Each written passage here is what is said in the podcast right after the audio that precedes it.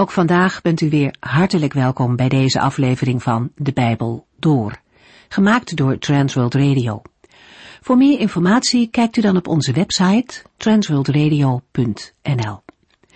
In deze serie gaat u in vijf jaar tijd met ons de Bijbel door, van Genesis 1 tot en met het laatste vers in Openbaring 22. Vandaag zijn we toe aan de laatste hoofdstukken van het boek Ezekiel. Deze profeet trad op tijdens de ballingschap van Israël. In de eerste helft van het Bijbelboek kondigt hij de verwoesting van Jeruzalem aan. En als dat inderdaad gebeurt en Ezekiel de boodschap van de ondergang van de stad ontvangt, verandert de profetie. In het vijandige Babylonische Rijk noemt hij heel wat volken, waaronder trotse grootmachten, die ook ten onder zullen gaan. Tyrus bijvoorbeeld krijgt nogal wat aandacht. Vanaf hoofdstuk 33 volgen dan woorden van troost en verwijzingen naar de toekomst, waarin de Israëlieten weer in hun eigen land zullen wonen. Het belangrijkste van die heerlijke toekomst is echter dat het weer goed zal zijn tussen de Heere en zijn volk. In de vorige uitzending hebben we daarover gelezen. Het is inmiddels al 25 jaar geleden dat Ezekiel weggevoerd werd uit zijn eigen land. Twintig jaar heeft hij geprofeteerd en ook de val van Jeruzalem ligt al een aantal jaren achter hem. In de week voor het Joodse Pascha krijgt Ezekiel opnieuw een visioen. Daarin tilt de Heere hem op en verplaatst hem naar Israël. Jaren geleden gebeurde dat ook. Toen zag de profeet een volk dat zich niets van God aantrok en een tempel waarin afgoderij gepleegd werd. Hij zag hoe de Heere met de hemelse troonwagen de tempel verliet. In dit visioen gebeurt het omgekeerde. Er wordt gesproken van een nieuwe tempel en een nieuwe tempeldienst. Ezekiel krijgt een vooruitblik dat de Heere naar zijn tempel en naar Jeruzalem zal terugkeren. En het volk zal de Heere met een volkomen toegewijd hart dienen. Dat is een geweldige boodschap zo vlak voor het paascha. We lezen vandaag de laatste twee hoofdstukken die de profeet Ezekiel heeft opgeschreven.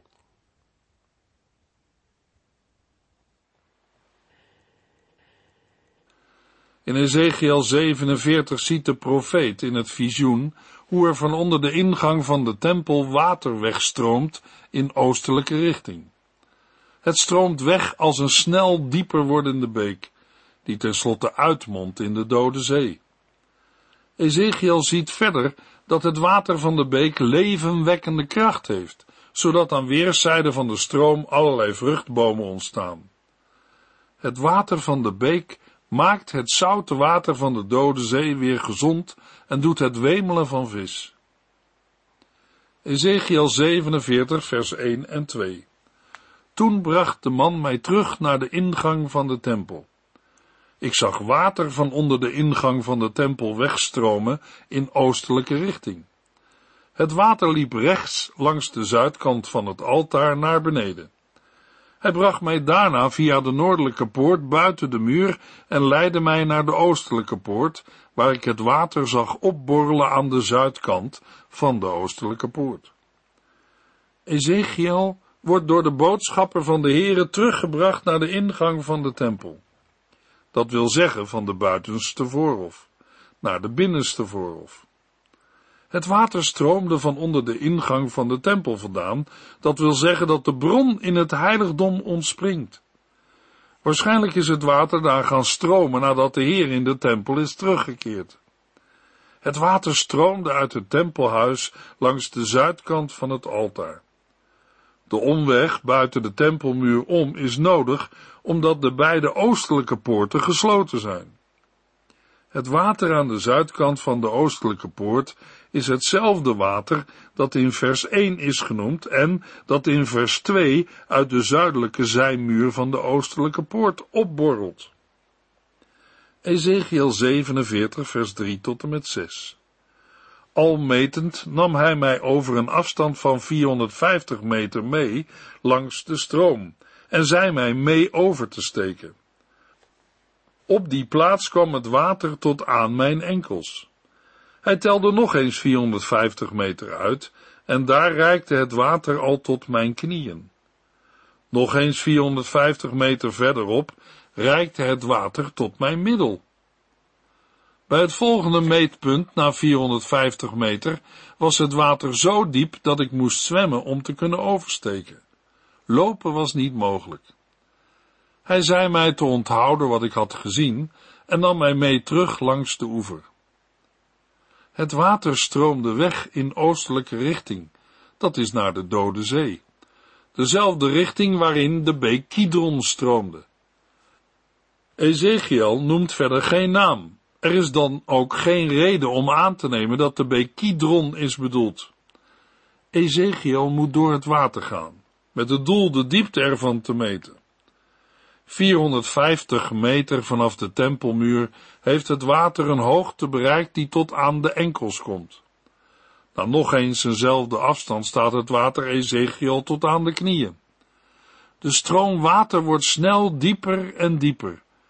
Daarmee onderscheidt deze waterstroom zich sterk van de meeste andere beken en stromen. Andere beken bevatten in de regel minder water naarmate zij zich verder van de bron verwijderen en liepen tenslotte dood in het zand. Ezekiel 47, vers 7 tot en met 12. Toen ik aan de oever terugkwam, zag ik aan beide zijden van de stroom talloze bomen staan. Hij vertelde mij toen, deze rivier stroomt in oostelijke richting door de woestijn en door het Jordaandal naar de Dode Zee, waar het het zoute water zal genezen en weer fris en helder zal maken. Alles wat met het water van deze rivier in aanraking komt, zal leven. De dode zee zal wemelen van vis, omdat haar water weer zuiver zal zijn. Waar dit water ook stroomt, zal het leven brengen. Vissers zullen langs de kusten van de dode zee staan, en vis vangen van Engedi tot aan En-Eglaim. Overal langs de kust zullen visnetten in de zon liggen te drogen. Alle soorten vis zullen in de Dode Zee rondzwemmen, net als in de Middellandse Zee.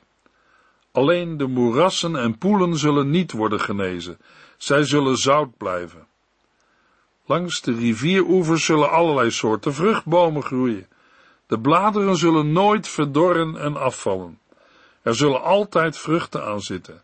Elke maand zal er een nieuwe oogst zijn, zonder ook maar één misoogst want de bomen krijgen voortdurend water van de rivier die in de tempel zijn bron heeft.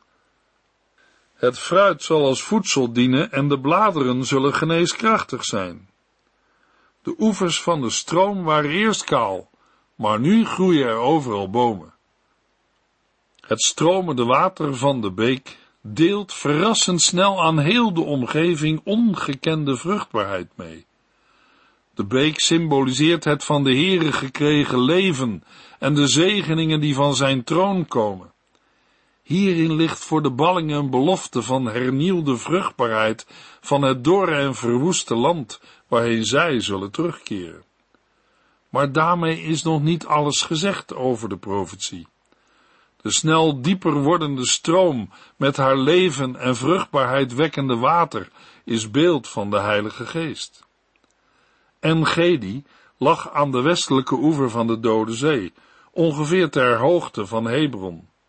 En Echlaim is geografisch moeilijk te bepalen. Volgens kerkvader Hieronymus lag het bij de uitmonding van de Jordaan in de Dode Zee. Overal langs de kust zullen visnetten in de zon liggen te drogen. Wat in het oordeel over Tyrus wordt vermeld als een straf, wordt in Ezekiel 47 beschreven als een zegen. In de moerassen en de poelen van de Dode Zee komt de snel dieper wordende stroom uit de tempel niet. De moerassen en poelen zijn van de zee afgesneden en blijven in hun ellendige toestand. Het maakt duidelijk dat overal waar het levenwekkende water niet komt, ook geen nieuw leven ontstaat. De bomen die langs de oevers groeien, blijken in vers 12 vruchtbomen te zijn. Door de levenwekkende kracht van het water blijven de bladeren van de bomen altijd fris en zullen er voortdurend vruchten zijn. De woorden, want de bomen krijgen voortdurend water van de rivier die in de tempel zijn bron heeft, geven het geheim aan van de krachtige werking van het water. Het water heeft zijn bron in de tempel, in de Heere zelf. De altijd groene en voortdurend vruchtdragende bomen zijn beeld van de goedheid en zorg van de Heere voor zijn volk. Het is voor nieuwtestamentische gelovigen ook een beeld van het blijven in Christus, want wie in hem blijft, draagt veel vrucht. Voor de ballingen is de overvloed die wordt beschreven een troost en bemoediging. De Heer heeft hen niet verlaten en zal voor hen zorgen als een vader voor zijn kinderen. Ezekiel 47, vers 13 tot en met 20. De oppermachtige Heere zegt, dit zijn de aanwijzingen voor de verdeling van het land onder de twaalf stammen van Israël. De stam van Jozef, Ephraim en Manasse zal twee gedeelten krijgen. Verder zal elke stam een even groot gedeelte krijgen. Ik heb plechtig gezworen dat ik het land aan uw voorouders zou geven, en nu zult u het erven. De noordgrens zal vanaf de Middellandse Zee naar Getlon lopen, vandaar naar Sedat, dan via Hamat, Berota en Sibraim, plaatsen op de grens tussen Damascus en Hamat, tenslotte naar Gazer Hatigon, dat op de grens van Hauran ligt.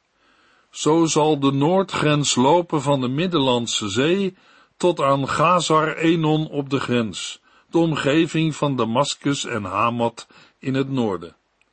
De oostgrens zal vanaf Gazar Enon in zuidelijke richting naar de berg Hauran lopen, waar hij naar het westen in de richting van de Jordaan zal afbuigen tot aan de zuidelijke punt van het meer van Galilea. Vandaar loopt hij verder langs de Jordaan en voorbij de Dode Zee naar Tamar, op die manier Israël van Gilead scheidend. De zuidgrens zal vanaf Tamar in westelijke richting naar de bronnen bij Meribad Kades lopen en vanaf dat punt verder de loop van de beek van Egypte volgen tot aan de Middellandse Zee. In het westen zal uw land worden begrensd door de Middellandse Zee, vanaf de zuidgrens tot aan het punt op de kust tegenover Hamat. Voordat Ezekiel wordt geopenbaard, hoe het land waarheen Israël zal terugkeren, onder de twaalf stammen zal worden verdeeld, maakt de Heere hem eerst de grenzen van het beloofde land bekend. Opvallend is in vers 13 de aanduiding de twaalf stammen van Israël, Daarmee wordt aangegeven dat er geen scheuring van het rijk meer zal zijn en alle twaalf stammen met elkaar herenigd in het beloofde land zullen wonen. Dat de stam van Jozef twee gedeelten krijgt, betekent dat er één deel voor Ephraim is en één voor Manasse, beide zonen van Jozef. Daarentegen krijgt Levi geen stamgebied, zodat het land toch onder twaalf stammen verdeeld kan worden. De Middellandse Zee wordt in andere vertalingen aangeduid met de Grote Zee. Over de noordelijke grens lezen we ook in nummer 34. De genoemde plaatsnamen laten zich voor het merendeel moeilijk bepalen. De oostgrens van het land zal van het noorden af beginnen tussen Hauran en Damascus. Het wil zeggen dat de oostgrens tussen Gilead en Israël langs de Jordaan naar het zuiden loopt. De Dode Zee wordt in andere vertalingen aangeduid met de Oostelijke Zee. Daarmee wordt de oostgrens gevormd door de Jordaan en in het verlengde daarvan door de Dode Zee. Dit geeft ook aan dat het land aan de andere kant van de Jordaan niet bij het beloofde land is gerekend. Waarschijnlijk komt dat omdat het oorspronkelijk niet tot het beloofde land behoorde. Met de woorden de bronnen bij Meribad Kades wordt het water van Meriba bedoeld. Kades of Kades Barnea lag op de grens van Israël en Edom ten zuidwesten van Tamar. Het is het tegenwoordige Ain Gadish. Met het punt op de kust tegenover Hamat wordt bedoeld, tot aan de tussen Tyrus en Sidon gelegen toegang naar Hamat. Het door de beschreven vier grenzen ingesloten land heeft op een kaart uitgezet de vorm van een rechthoek. Ezekiel 47, vers 21 tot en met 23. Verdeel het land binnen deze grenzen onder de stammen van Israël. Neem het land als een erfenis voor uzelf en voor de buitenlanders die met hun gezinnen bij u wonen. Alle kinderen die in het land worden geboren, ook als hun ouders buitenlanders zijn, moeten worden beschouwd als Israëlitische burgers door geboorte en hebben dezelfde rechten als uw eigen kinderen. Al deze immigranten moet land worden gegeven bij welke stam zij ook verblijven. In het slotgedeelte van het Bijbelboek Ezekiel wordt aan de profeet bekendgemaakt op welke manier het beloofde land tussen de verschillende stammen moet worden verdeeld. Aan elke stam moet tussen de oost- en westgrens een rechthoekig stuk grond als stamgebied worden toegewezen. De stamgebieden zullen alle even groot zijn. Uit Ezekiel 48 zal duidelijk worden dat ten noorden van het heilige gebied van de koning, dat niet helemaal in het midden van het beloofde land ligt, zeven stammen zullen wonen en ten zuiden daarvan vijf. Bij de beschrijving valt op hoe schematisch de verdeling is en er wordt geen rekening gehouden met de grootte van de stammen. Het rechthoekige land moet in dertien rechthoeken worden verdeeld, twaalf voor de stammen en één voor het heilige gebied en het domein van de koning. Alleen van het domein van de koning worden de afmetingen opgegeven, namelijk 11,25 kilometer in het vierkant.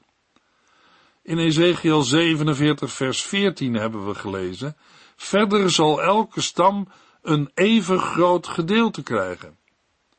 De woorden en voor de buitenlanders die met hun gezinnen bij u wonen, slaan op de buitenlanders die zich blijvend in Israël vestigen. Ze zijn met Joodse vrouwen getrouwd en hun kinderen groeien op met de andere kinderen in Israël. Dat deze buitenlanders ook besneden werden, wordt niet met zoveel woorden gezegd, maar moet wel worden aangenomen. De buitenlanders ontvangen net als de Israëlieten een erfdeel in het beloofde land. Vers 23. Al deze immigranten moet land worden gegeven, bij welke stam ze ook verblijven. Ezekiel 48, vers 1 tot en met 4.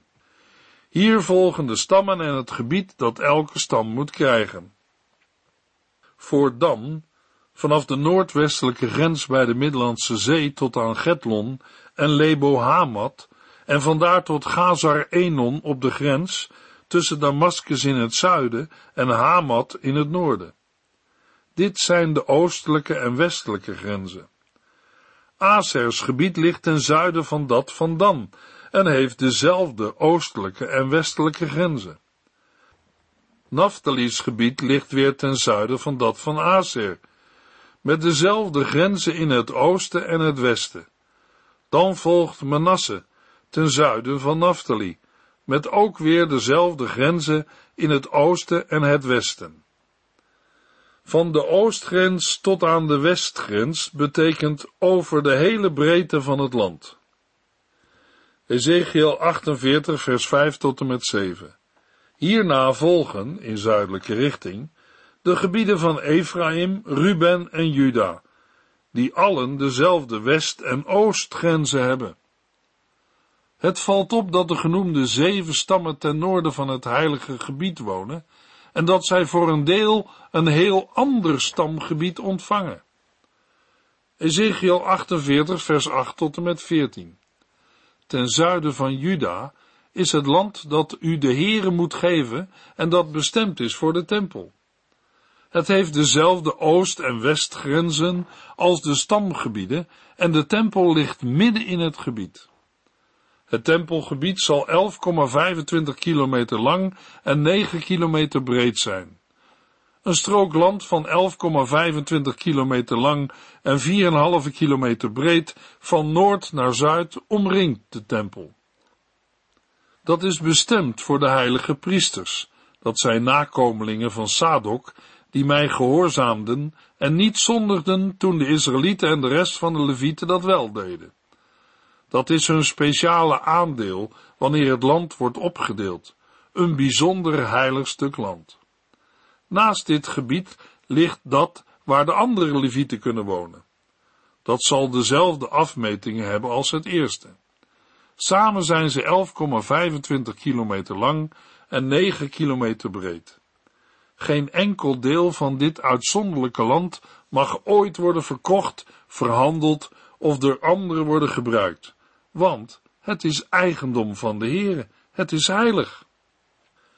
Als elke stam een even groot gedeelte krijgt, moet het gebied of domein van de koning bij het gedeelte van de tempel worden meegeteld.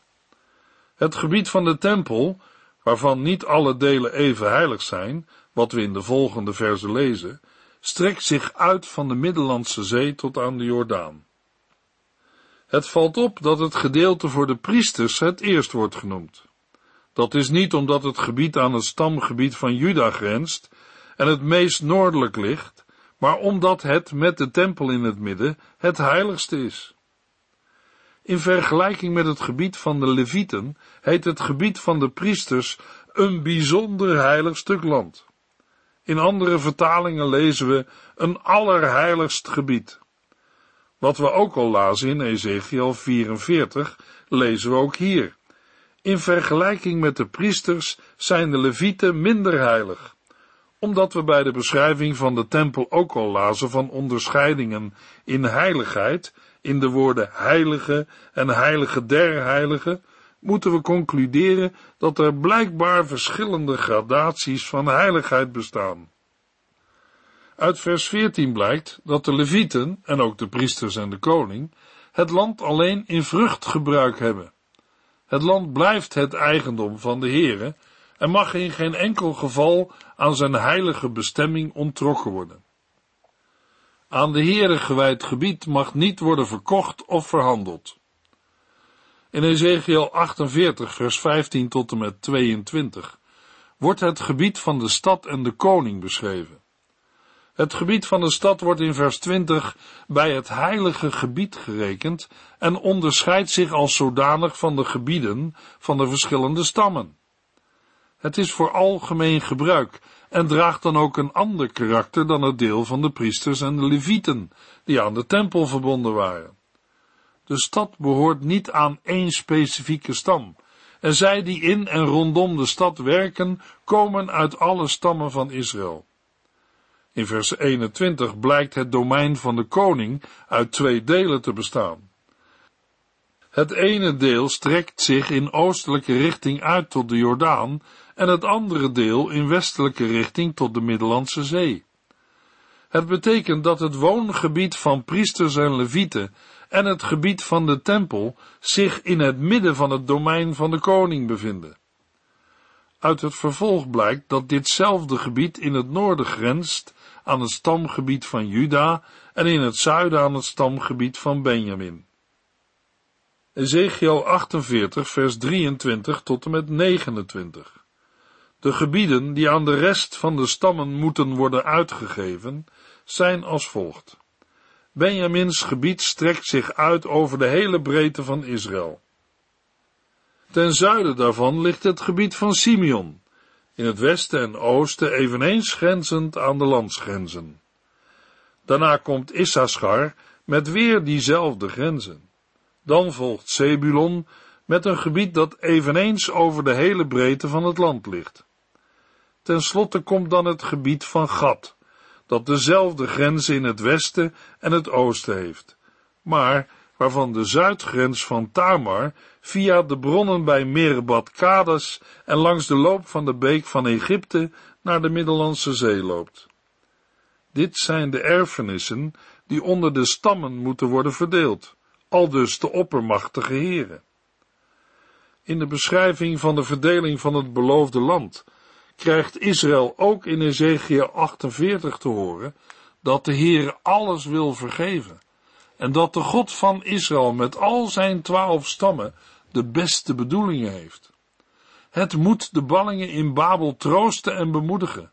De Heere heeft zijn volk niet in de steek gelaten en hij is echt wel in staat om voor zijn eigen volk en land te zorgen en het te beschermen. Een ander punt is dat de Heer in Ezekiel 47 en 48 de verschillende stammen hun plaats in het beloofde land wijst. Jacob kreeg zijn zonen bij vier verschillende vrouwen. De een was een zoon van Rachel, de ander van Lea, een derde van Jacobs bijvrouw Bilha en een vierde van zijn bijvrouw Zilpa. De ballingen in Babel zullen de indeling van de Heere direct hebben begrepen en aanvaard. De Heere geeft niet iedereen gelijke rechten. Een oudste zoon wordt in een voorrangspositie gesteld en de Heere maakt uit wie als zodanig wordt geboren. De Heer is niet alleen almachtig, maar ook vrijmachtig.